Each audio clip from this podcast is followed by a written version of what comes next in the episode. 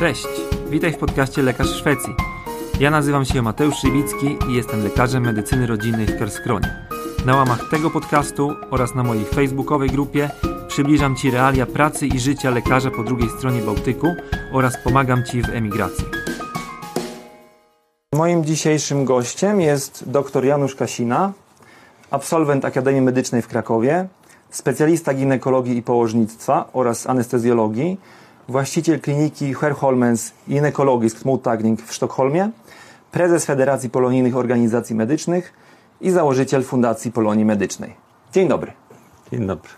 Januszu, gdzie się znajdujemy? Jesteśmy w Sztokholmie, w tej części, która leży na zachód od centrum i w tej chwili jesteśmy w moim mutagningu. E, jesteśmy w mutagningu, gdzie y, pracuje 10 lekarzy, e, nie wszyscy na cały etat, ale jest 7 pokoi, w których można przyjmować pacjentów, 7 od, oddzielnych, w pełni wyposażonych jednostek. E, poza tymi 10 lekarzami jest u nas zawsze trakcie szkolenia w dziesięciotygodniowym cyklu e, lekarz specjalizujący się e, z medycyny ogólnej. Mhm. E, Janusz, a powiedz, kiedy w ogóle, od kiedy się Twoja historia ze Szwecją rozpoczęła? Jak to wyglądało, że akurat trafiłeś tutaj do Szwecji, do Sztokholmu i, i, i jak wyglądała tak pokrótce Twoja tutejsza kariera? Tutejsza kariera zaczęła się na studiach. Pracowałem w sadzie, w ogrodzie. No nie, ale potem, potem dopiero jak się studia skończyły przy, po, po zrobieniu specjalizacji w Polsce, po, po, po doktoracie i, i tam e, egzaminach nostryfikacyjnych amerykańskich, no to wybrałem Szwecję jako, jako kraj, gdzie chciałbym dalej próbować swoich sił. Mhm. To było no miałem 34 lata w ten czas. Okej, okay. a od razu jak przyjechałeś do Szwecji, to rozpocząłeś pracę w, w prywatnych klinikach, czy? Działało tak, że najpierw musiałem mieć papiery, czyli to, co mi brakowało po przyjeździe, to był e, język i w takim stopniu, że zacząłem pracę Planowałem go w ciągu roku, następnie e, kurs z orzecznictwa medycznego i praktyka w y, szpitalu. Mhm. Jak wyglądały te Twoje pierwsze lata, ten start? Po, po zdaniu tych egzaminów e, językowych e, zacząłem pracę e, w takim dużym szpitalu Söderhügelset w Sztokholmie i zasada była taka, że polskim lekarzom, ginekologom brakowało zasadniczo stażów z anestezjologii, które tu były wymagane i, i tego kursu orzecznictwa medycznego. Brakowało też e, oczywiście samego stażu, który e, był potem zatwierdzany przez szefa danej kliniki, gdzie ten staż się odbywał. E, jak chodzi o tą część formalną, czyli język, no to, no to to mi rok zajęło. E, jak chodzi o y, zatwierdzenie stażów anestezjologicznych, no to już miałem pierwszy stopień specjalizacji z anestezjologii z Polski, więc to nie było problemem.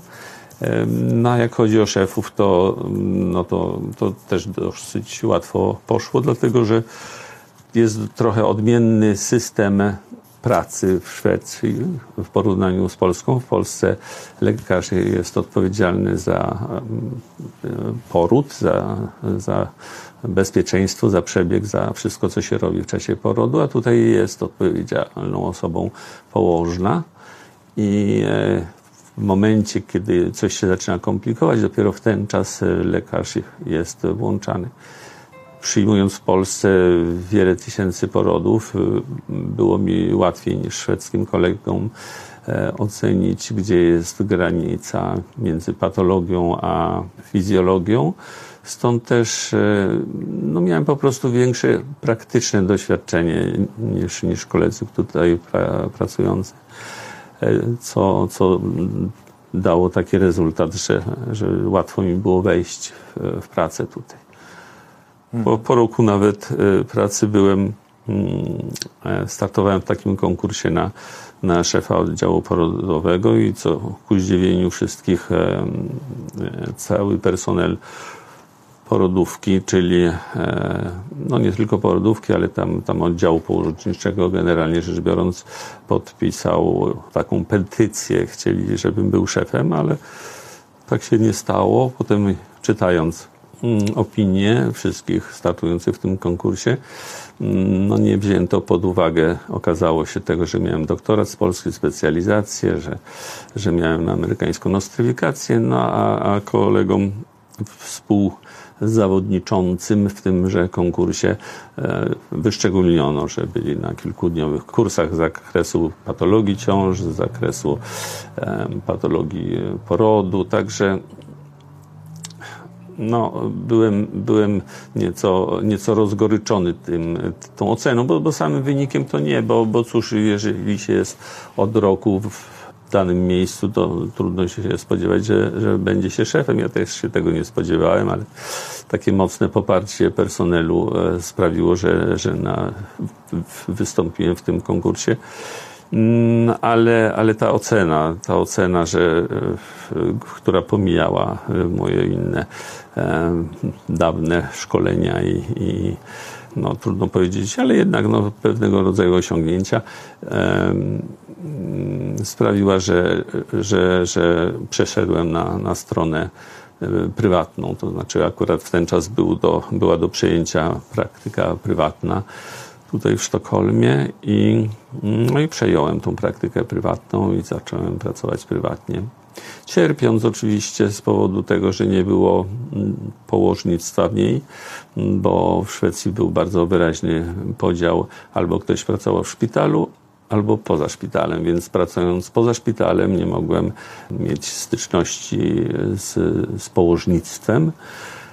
Także przez pierwsze lata jeździłem na, na północ Szwecji po to, żeby, żeby zajmować się położnictwem. Nie, nie, trudno mi było się od tego oderwać. No ale w końcu to, to, to traciło sens, bo, bo, bo ekonomia przeważyła, no i, no i Teraz już pracuję prywatnie od, od dawna, od 90 do 30 lat. Mhm. 30 lat. Czyli w zasadzie tylko na początku tej kariery na w Szwecji początku, byłeś tak. po tej stronie szpitalnej, tak? A później. Tak. A potem już cały czas prywatnie. Gabinet. Tak, tak, tak, tak. Okej. Okay. I tutaj w tym, w tych gabinetach to tylko ty przyjmujesz, czy masz jeszcze jakichś kolegów, z którymi współpracujesz? No tak jak mówiłem, no 10, 10 osób, 4 osoby na, na, na, na cały etat, jedna osoba w trakcie szkolenia, stażysta. No i zostają, zostają dwa gabinety, gdzie e, koledzy, którzy pracują od czasu do czasu e, u nas, e, mogą, mogą właśnie tutaj pracować. Ci koledzy e, pracują w swoim wolnym czasie, pracują w szpitalu i mają, mają wolne z racji e, dyżurów.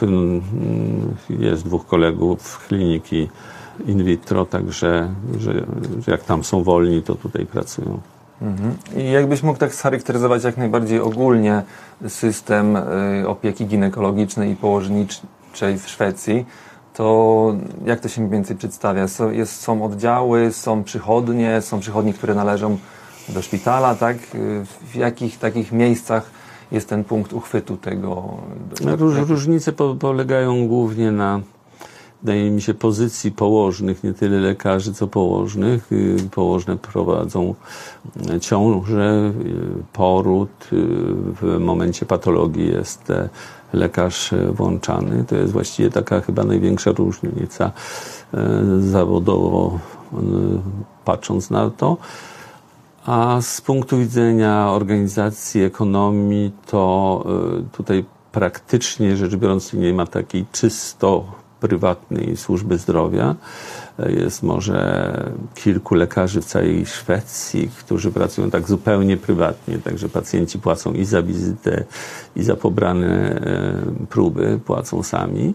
W większości to jest chyba tak, że pacjenci współfinansują, ale w takim drobnym stopniu, tak? Współfinansują 250 e, koron kosztuje wizyta do momentu, kiedy u wszystkich lekarzy, ginekologów i innych lekarzy osiągnie się sumę 1300 koron. I jak się osiągnie tą sumę 1300 koron, to już za darmo e, jest tyle wizyt, ile, ile, ile sytuacja wymaga. Także w praktyce tutaj Gdyby pacjentka, powiedzmy, chodziła tylko do ginekologa z jakiegoś powodu, takich powodów jest nie, nie tak znów dużo, żeby ciągle, często chodzić do ginekologa, no powiedzmy, sprawy niepłodności wymagają niejednokrotnie większej ilości wizyt, no więc po pięciu wizytach się nie płaci. ogóle. I to już niezależnie od tego, czy pacjentka się udaje do państwowej ochrony zdrowia, czy do prywatnej, tak? To jest zawsze z punktu widzenia pacjenta. Państwowa czy prywatna, ta prywatna to tak jest trochę w cudzysłowie prywatna, bo jak powiedziałem prywatna, prywatna, gdzie pacjent płaci za wszystko, to jest, to jest bardzo mały margines służby zdrowia.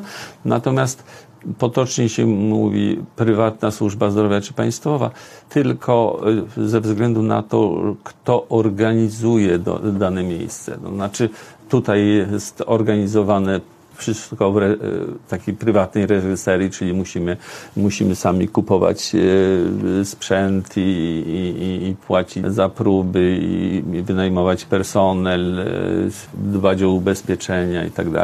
Natomiast w tej państwowej służbie zdrowia właściwie jest ze strony pacjenta e, sytuacja ta sama, pacjent przychodzi, płaci tyle samo, dostaje powiedzmy zbliżony serwis, natomiast dane miejsce w tej państwowej służbie zdrowia jest organizowane przez, e, e, przez państwo, czy raczej przez e, dany region Szwecji. Tak, czyli jakby dalej kontynuując naszą rozmowę, to jak będziemy mówili o prywatnych, to mamy na myśli te organizowane przez prywatne przez, tak, firmy. organizowane przez prywatną firmę, której za to zorganizowanie służby zdrowia płaci dany region e, Szwecji. Więc to jest prywatne w tym sensie organizacyjnym, natomiast i tak jest finansowane z, tego, z tej ogólnej puli służby zdrowia.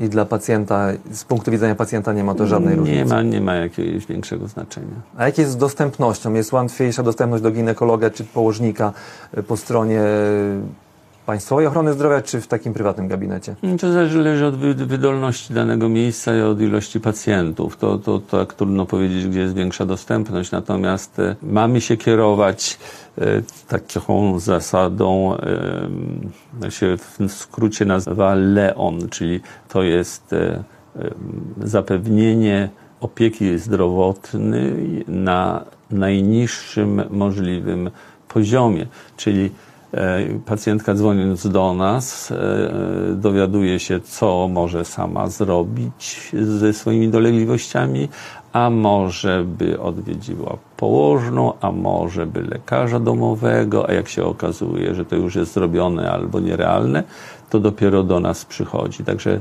stara się e, taką gradację utrzymać. W zasadzie taki już triaż telefoniczny, tak? I tym się zajmują Tak. pielęgniarki w Tak, większości. osoby, u nas, u nas to są podpielęgniarki, no, no, osoby y, o wykształceniu medycznym, jednak nie, nie pielęgniarki, ale już mają tyle doświadczenia, że, że już po wielu latach pracy dają, dają sobie jak najbardziej radę z tym.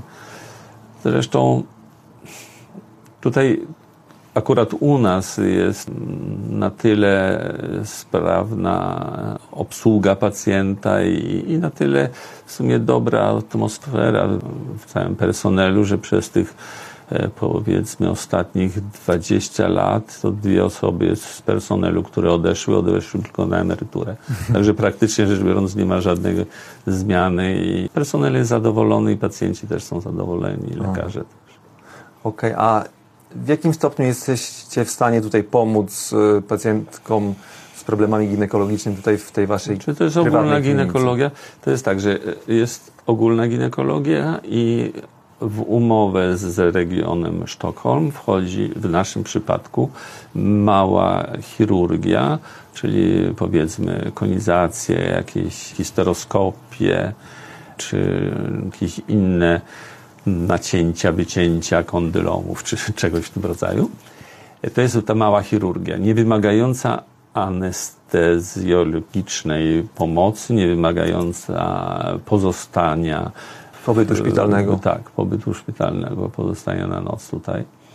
Następnie e, poza tą ogólną ginekologią mamy zobowiązanie, że będziemy się zajmować e, zmianami komórkowymi, czyli i badaniem i E, leczeniem. No, w praktyce to są konizacje.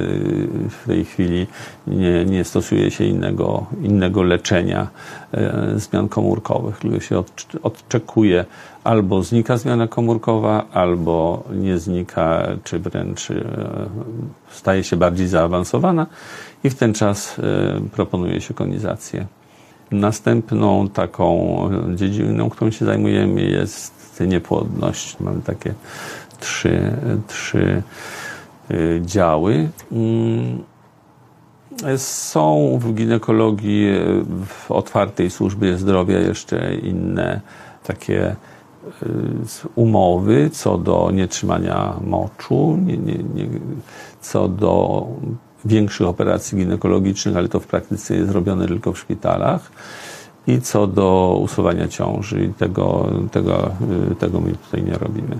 Mhm. Czyli powiedzmy te zabiegi TVT czy coś takiego, to, mm, to wymaga szpitalnej? Mamy, nawet nie wymaga, ale wymaga powiedzmy anestezjologii. Mhm. Nasz w obszar zobowiązań wchodzi, my to możemy robić, ale w praktyce nie robimy. E, dlatego, że to byłoby zbyt skomplikowane po tej stronie właśnie opieki po, po zabiegu. Bardzo rzadko jest tak, że w szpitalu pacjentka zostaje po tego rodzaju operacji e, na noc, ale czasem się zdarza. No więc, e, no więc chcąc uniknąć tego, e, takiej sytuacji, że mogłoby się zdarzyć, no to, no to po prostu nie, nie, nie robimy TVT. Mhm. A diagnostyka na przykład krwawień pomenopauzalnych, coś takiego? Nie, no to, to wszystko to jest robione i to głównie, głównie to są badania ultrasonograficzne, cytologiczne, hormonalne, ale tak, tak, no to, to jest robione, ale to wchodzi w zakres ogólnej ginekologii. Mhm. Także to nie jest jakiś specjalny dział tylko ogólna ginekologia. I jeżeli chcecie na przykład wysłać jakieś próbki, czy cytologiczne, czy histologiczne, lub też po prostu na przykład badania krwi hormonalne, mhm. to współpracujecie, jakby wy jesteście odpowiedzialni za to, żeby podpisać umowy z jakimiś tam laboratoriami, które tak. wykonują te badania, czy to jest jakby tak, że Nie, pacjentka jest kilka laboratoriów, Jest kilka laboratoriów, e, no i, i w końcu w praktyce ma się umowę z jednym. I, I wysyła się te próbki, Potem laboratorium przysyła rachunek do nas za to, co jest zrobione, a e, region e, e, Sztokholm, z którym mamy umowę, zwraca, ale tylko część kosztów. Także pobranie prób kosztuje nas. Mhm. No ale no tak jest. Czy tak samo to działa też z jakimiś ewentualnymi badaniami obrazowymi albo Niewiele jest badań, nie, niewiele jest badań obrazowych w ginekologii. Czasem e, rezonans nukleomagnetyczny rzadko, rzadko, bo w dzisiejszych czasach e, aparaty ultrasonograficzne są na tyle dobre, że, że właściwie można zobaczyć wszystko, albo powiedzmy prawie wszystko i, i, i nie, nie, nie ma wątpliwości, nie trzeba, nie trzeba kierować pacjentów do rentgena. Można tą diagnostykę na miejscu na miejscu robimy, za pomocą USG. Na miejscu robimy, także w każdym gabinecie jest dobry aparat ultrasonograficzny i spodziewany jest, że każdy lekarz, y, zresztą tak jest po prostu, y, pracujący tutaj y, na tyle dobrze posługuje się tymi badaniami ultradźwiękowymi, że nie trzeba nigdzie odsyłać pacjentów. Mhm. Co ciekawe, nawet mówili, że ko koledzy, którzy przychodzą tutaj stażować się z medycyny rodzinnej przez około dwa miesiące, dwa i pół mm. miesiąca, również są uczeni tej tak, są, są, są, są uczeni. Gabinet e, lekarza stażysty jest wyposażony w taki sam sposób jak wszystkie inne gabinety. Nic, nic gorszy nie jest. E, czy kolposkop, czy, czy, czy mikroskop, czy aparat ultrasonograficzny. E, potem pewno, że, że ten lekarz nie, nie bada ultrasonograficznie w otwartej służbie zdrowia jako, jako lekarz domowy, ale nauka jest tak, e, ja to uważam, pełniejsza. Widząc coś w badaniu ultrasonograficznym, a potem e, przeprowadzając palpację, ma się lepsze porównanie, co jest co i Wydaje mi się, że tak wyszkolony lekarz domowy lepiej sobie będzie radził e, w swojej praktyce później. Mhm. Czyli w te przynajmniej podstawy tego USG Tak, wprowadzacie. Tak, no, wszyscy, wszyscy badają, ale mają wątpliwość, to tylko podnoszą telefon i, no i przychodzę ja czy kolega i to jakby potwierdzamy, czy korygujemy, czy przy najmniejszej wątpliwości e, to, to lekarz e, w trakcie stażu ma, ma wsparcie. Natomiast o kolposkopii wiem, że wcześniej mówili, że no nie jest wymagana od tych kolegów. Kolposkopii nie, to jest, to jest, to jest rodzinnej. zbyt, zbyt, że tak powiem, subiektywne badanie i to już zupełnie odbiega od, od tego, co, co można robić e, jako, jako e, lekarz e, ze specjalizacją z medycyny ogólnej. Mhm. A wracając jeszcze do tego współfinansowania, jak to wygląda przy wypisywaniu recept na jakieś różne preparaty, leki Na razie, pacjentów? na razie nie płacimy, ale, ale coś się zanosi na to, że będziemy płacić pewno, bo no właśnie dwa tygodnie temu dostaliśmy takie, takie pismo, że będą wprowadzane nowe zasady i dyskutuje się zapłatę za, na, za wizytę pacjenta tutaj, decyduje się zapłatę za mm, e, próby i zapłatę za leki, co nigdy nie było do tej pory dyskutowane. Aha. A powiedz, czy z tej dziedziny położnictwa coś tutaj masz pole do, do popisu, czy to jest dokładnie tak, jak powiedziałeś, że te zdrowe ciąże są prowadzone przez e, położną, e, patologia musi być i tak prowadzona, powiedzmy, na oddziale, czyli w zasadzie jest jeszcze jakieś pole do popisu dla Ciebie tutaj jako położnika w takim gabinecie otwartym? Mm, Nie aż tak duże, prawdę mówiąc, bo, bo pacjentki zamawiają wizytę albo z powodu daleko posuniętego niepokoju, y, czy braku wzrostu przy takich y, y, prostych badaniach u położnych, czy w w wypadku spodziewanej patologii, ale ale to zazwyczaj działa w ten sposób, że położna mówi, no coś się tu wydaje, że dziecko nie rośnie, e, będziesz miała czas za powiedzmy tydzień u naszego lekarza, związanego właśnie z położną.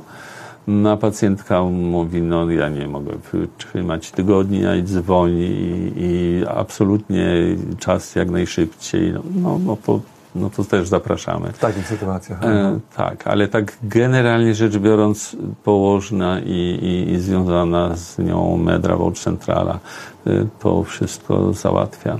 Mhm. A jakbyś to podzielił, jaki to jest procent, czy na przykład 10% położnictwa, 90% ginekologii, który masz tutaj u siebie w gabinetach? Mm, tak, mniej więcej. Tak no, nawet może mniej. Tak jak dawniej, jak pracowałem w Polsce i na początku tutaj e, w Szwecji przez te dwa lata w szpitalu e, było powiedzmy 95% położnictwa i 5% ginekologii w tym, co robiłem. Tak teraz jest, jest prawie, prawie, że na odwrót. Tym bardziej, że, że to, to położnictwo jest takie no powiedzmy, no nie chciałem bym powiedzieć mało ważne czy mało ambitne, ale, ale porównując z, z tym, co się dzieje na bloku porodowym czy na sali porodowej, to, to tutaj, no cóż, badanie ultrasonograficzne, stwierdzenie wzrostu czy jego braku, czy to, to, to jest e, o wiele mniejsze działanie, mniej dramatyczne, mniej, em, mniej istotne w danym momencie, chociaż też ważne oczywiście. Mhm. No właśnie, bo wiem, że dużo koleżanek z Polski, które mieszkają tutaj w Szwecji, mówi, że ta opieka y, położnicza jest jakaś taka bardzo okrojona, dosłownie ograniczona do jednego czy dwóch badań USG w czasie całej ciąży. Mm. Coś, do czego polskie y, przyszłe mamy i Mhm. pacjentki nie są przyzwyczajone, z tego co wiem. No zgadza się. No to jest związane e, z co najmniej dwoma, dwoma sprawami.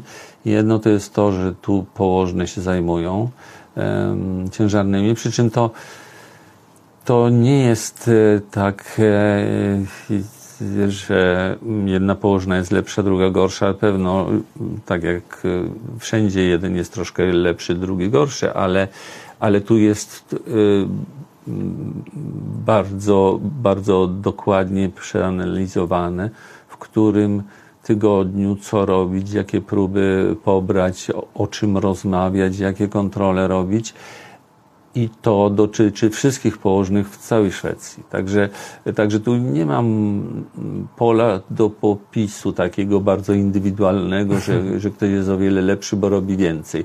Robi tyle, ile jest powiedziane, że ma być zrobione a lekarz no, nie jest dużo za, zaangażowany w to, co się dzieje. To lekarz wkracza w wypadku patologii, generalnie rzecz biorąc, tylko i wyłącznie e, u kobiet będących w pierwszej ciąży e, jest też tam wizyta na początku ciąży u lekarza, ale to, to, to, to jest bardzo mało. Mhm. Inna sprawa jest taka, że tu jest e, mniej patologii i podejście do patologii jest takie bardzo, no może y, z punktu widzenia kobiety e, okrutne, ale jednak naturalne i realne. Część ciąż roni się i, i, i w Polsce mówi się o podtrzymywaniu ciąż, o leży się w, w szpitalu. Tutaj tego nie ma. To znaczy głównym powodem poronienia, prawie jedynym, to jest patologia genetyczna i na to, na to nie ma rady po prostu. No, no to, to z tym się nic nie da zrobić. Nie, da, nie, żadne lekarstwa nie pomogą. Także szereg osób spodziewa się krwawienie we wczesnej ciąży, to się to da się leki jakieś, to, to będzie dobrze. Rzadko jest tak, żeby dało się pomóc y, czy można było przeciwdziałać poronieniu w tej pierwszej, wczesnej ciąży. No i tu się mówi czekać, czekać, czekać, czekać. No a jak ktoś jest y, przyzwyczajony z zagranicy, nie tylko z Polski, no że się idzie do lekarza i lekarz pomaga i daje lekarstwa, no że te lekarstwa statystycznie rzecz biorąc nie pomagają, bo, bo nie mogą pomóc w tego rodzaju patologii. Także mhm. no tutaj, tutaj, tutaj się mówi, no cóż, idź do domu, odczekaj, przyjdź za tydzień. Mhm. A z drugiej strony jest tutaj e, Szwecja jest w czołówce, jeśli chodzi o ratowanie naprawdę bardzo, bardzo wczesnych pacjentów, tak? Tak, no to, to co jest do uratowania jest ratowane, a to co nie jest do uratowania nie podlega, że tak powiem, działaniom pozornym. Mhm. No, no, no, no tak jest. Wydaje mi się, że stan zdrowia jest, jest też dość dobry tutaj, tak średnio rzecz biorąc. Mało jest kobiet y, palących w ciąży, mało jest y, kobiet z jakimiś towarzyszącymi chorobami, także to, to też ułatwia. To też ułatwia, oczywiście. Jeszcze chciałbym nawiązać do tego, do tej diagnostyki, którą jesteście w stanie tutaj wykonać mm, w e, przychodni. Czy na przykład jeżeli mm, widzicie, że są jakieś objawy, które mogą wskazywać na jakąś chorobę nowotworową, w jakiś sposób, to jak prowadzicie taką pacjentkę dalej? Czy, bo tutaj jakby na miejscu no nie możecie jej ani zoperować, ani jakby tej diagnostyki... Nie, no to, to tego samego dnia, kiedy przychodzi, e, przychodzi odpowiedź, że, że w danym badaniu jest stwierdzony nowotwór, wzywa się pacjentkę i, i wysyła skierowanie do kliniki, która się zajmuje chorobami nowotworowymi.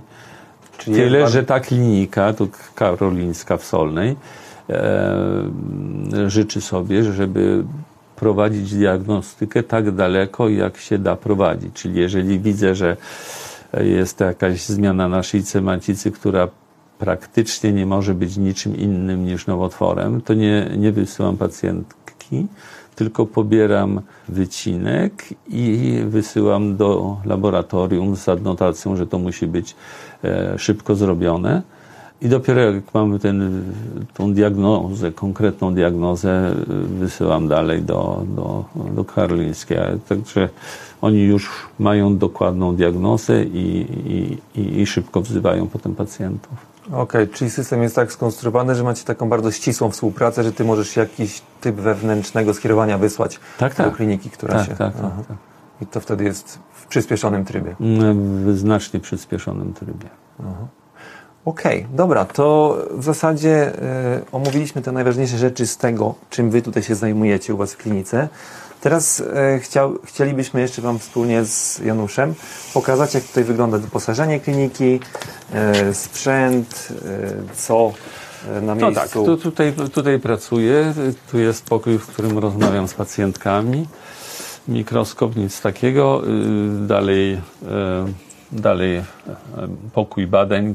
I w każdym pokoju badań jest, jest, jest jak, jak już wspomniałem, e, lampa chirurgiczna, jest e, aparat ultrasonograficzny, kolposkop, stół ginekologiczny, miejsce do przebrania. No to możemy przejść e, tak e, tak, wokół. Zacznijmy jest- od, od wejścia i od poczekalni jest- i później w szczegółach omówimy to, to może przejdziemy przez tą pierwszą część, a potem do drugiej części przejdziemy, tak żeby po kolei. Tutaj jest poczekalnia. Pierwsza poczekalnia, mamy dwie poczekalnie, tak, tak to jest u, u, s- zorganizowane. E, są dwie toalety dla, dla pacjentek, jeden prysznic, em, e, laboratorium. W tej części są trzy y, gabinety. Ta szafa to, to zbiór mnóstwa broszur. Y, Także się y, skraca dyskusję dając broszurę. No a tam dalej są następne dwa gabinety. Tutaj możemy przejść do recepcji. Jest recepcja, e, w której bezpośrednio z pacjentkami jest e, miejsce dla dwóch osób. Dwie, dwie koleżanki są w recepcji. A jak chodzi o rozmowy telefoniczne, nie bezpośrednie przyjmowanie pacjentów, no to tu jest jeszcze jedno stanowisko pracy i tam dalej jest następne jedno, czy wręcz dwa, no ale, ale, ale zazwyczaj cztery osoby pracują. No i tutaj pijemy herbatę, pijemy herbatę, jemy lunche. No tak, tak to tu jest. Bardzo ważna rzecz to są maszyny do niszczenia do, dokumentów. Wszystko ma być zdigitalizowane, więc, więc dokumenty, jak tylko jest to możliwe, są niszczone. Mm, Tu dalej jest e, no, miejsce dla przebrania się personelu i, i toaleta dla personelu. Dalej możemy przejść przez znów poczekalnię i przejść przez krótki korytarz, który będzie prowadził do drugiej poczekalni. No, oczywiście wszędzie dbamy o higienę pacjentów, nie mówiąc o swojej, no więc e, no, można sobie ręce Zdezynfekować. zdezynfekować. I tutaj przechodzimy do drugiego, do drugiego y, miejsca, drugiej poczekalni. Też miejsce do dezynfekcji. Tam za tym załomem jest y, następny gabinet. Czyli razem jest I tutaj, tutaj siedem, sześć, siedem, siedem, gabinetów. siedem Aha. gabinetów. I teraz taki przykładowy, Janusz e, chciał nam pokazać gabinet, co się znajduje w gabinecie, jakie jest wyposażenie, jakie możliwości diagnostyczne. I tutaj biureczko. Jest biurko, są zwiędłe kwiatki. So, sobota, e, sobota po południu. E, No więc tak jakoś zostały smutne. W każdym gabinecie jest, jest, e, jest, jest, jest umywalka i, i mydło, środki dezynfekcyjne. Tu jest miejsce do przebrania się za, za zasłonką. A tutaj z kolei mamy, co mamy? Tak za, zaczynając od, od murów, to jest, to jest y, lampa chirurgiczna, która no, jest łatwa do ustawienia i dobre oświetlenie daje. Tutaj jest wentylacja, trochę zasłonięta stolikiem i tam jest, to jest nawiew, a, a, a wyciąg jest y, na, na ścianach. Stół ginekologiczny z możliwością, fotel ginekologiczny z możliwością regulacji wszelkiej, czyli i przechył, i góra-dół, i, i dolna część, i górna część e, fotela jest regulowana. Kolposkop, e, aparat ultrasonograficzny e, z dwoma transducerami, jeden transabdominalny, drugi transwaginalny. Ten transabdominalny to w praktyce się używa tylko, tylko w ciąży bardziej zaawansowanej, powiedzmy tak od 10 tygodnia w górę. No jeżeli jakieś są duże zmiany, jakieś e, mięśniaki, których się mm, jakby nie, nie dosięgnie transwaginalnie, czy, czy jakieś cysty, e, które są bardzo duże, to rzadko się zdarza. Mhm. Tutaj, tutaj co? No tu są sterylne e, różne instrumenty, które są na, na, na co dzień używane. Tutaj tym się pobiera, pobiera się wycinki z z szyjki macicy. Tu jest napisane, czy to jest instrument, bo różne są upodobania kolegów. Jeden woli takie, inne inne. No i tu jest data, kiedy, kiedy była sterylizacja ostatnia robiona. Tutaj, no to jest do HSG, do histerosalpingografii. E, tu są krążki, które są używane przy badaniu narządu rodnego.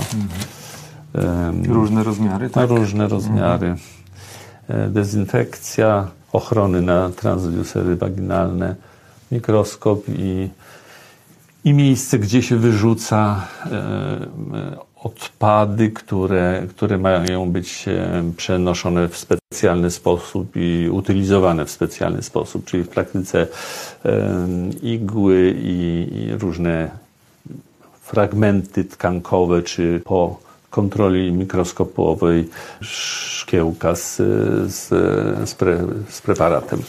On to jest wyrzucany tak, żeby, żeby nie zanieczyszczać mhm. środowiska. Tutaj, tutaj to też, no to takie drobne rzeczy, które są na, na, na co dzień po, potrzebne. Trzeba jakiś rozmaz wziąć, no to jest szkiełko, jedno, drugie. E, tu są taka próbówka do pobrania do pobrania mm, prób cytologicznych. Co ciekawe, w tej chwili się robi tylko, tu jest napisane PAP test wprawdzie, ale de facto robi się w Szwecji tylko badanie HPV. Y, badanie cytologiczne robi się tylko raz w życiu w 40 roku życia, czyli od 24 do 50 roku życia, co 3 lata robi się HPV test, jeżeli się y, stwierdzi obecność wirusa, no to w ten czas dopiero badanie cytologiczne się robi. A potem po 50 roku życia bierze się te testy w 57 i 64 roku życia. Tak, tak, to, tak to wygląda.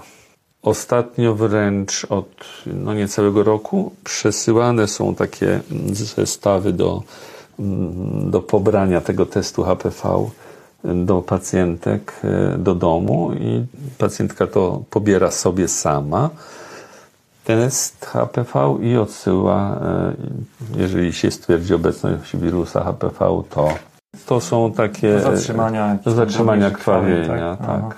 A tutaj są szczoteczki te do pobierania. To są pobierania. Jedno na zewnątrz, drugie z kanału szyjki macicy. No to tak, tak to jest. Tak to, Coś tak tutaj to wygląda. na tej dolnej półce? Na dolnej półce nic takiego ważnego. Spirale do założenia e, tu są, jeżeli ktoś by chciał, w zależności od tego, jakie, jakie się używa, spekulum, e, czy samo trzymające się, czy, czy, czy, czy, czy depresor i, i, i, i spekulum. Mhm. Tu są do pobrania tu są... też jak to wygląda. No, no tak, tak to wygląda. Więc albo można to, albo tamto, jak to, jak to woli. Mhm. I potem, potem są jeszcze tam do pobrania prób y, czy wirusowych, czy bakteryjnych. Y, te, te właśnie takie wymazówki. Tak jest. E, i No i wszędzie jest, y, wszędzie jest i u, u u pacjentek e, w miejscu, gdzie się przebiera, czy, czy u lekarza w wielu miejscach są mm, te papiery jednorazowe, e, rękawiczki jednorazowe w różnych rozmiarach. No, tak, tak, jak, tak jak pewno wszędzie jest. E, No, czasem tu w Szwecji jest ciemno, czasem jest zimno, więc na wypadek, gdyby było za zimno, to, to jest jeszcze kaloryfer. Dobrze. Dobra. No to, no To to, tyle. To, to tyle pokazywania, tyle oglądania. Jeżeli by były jakieś pytania, no to, to zapraszam oczywiście. Dokładnie. Można zadawać pytania w komentarzach i poprosimy później Janusza, żeby odpowiedział, albo ewentualnie ja podeślę mu te pytania. Dziękujemy serdecznie. Dziękuję.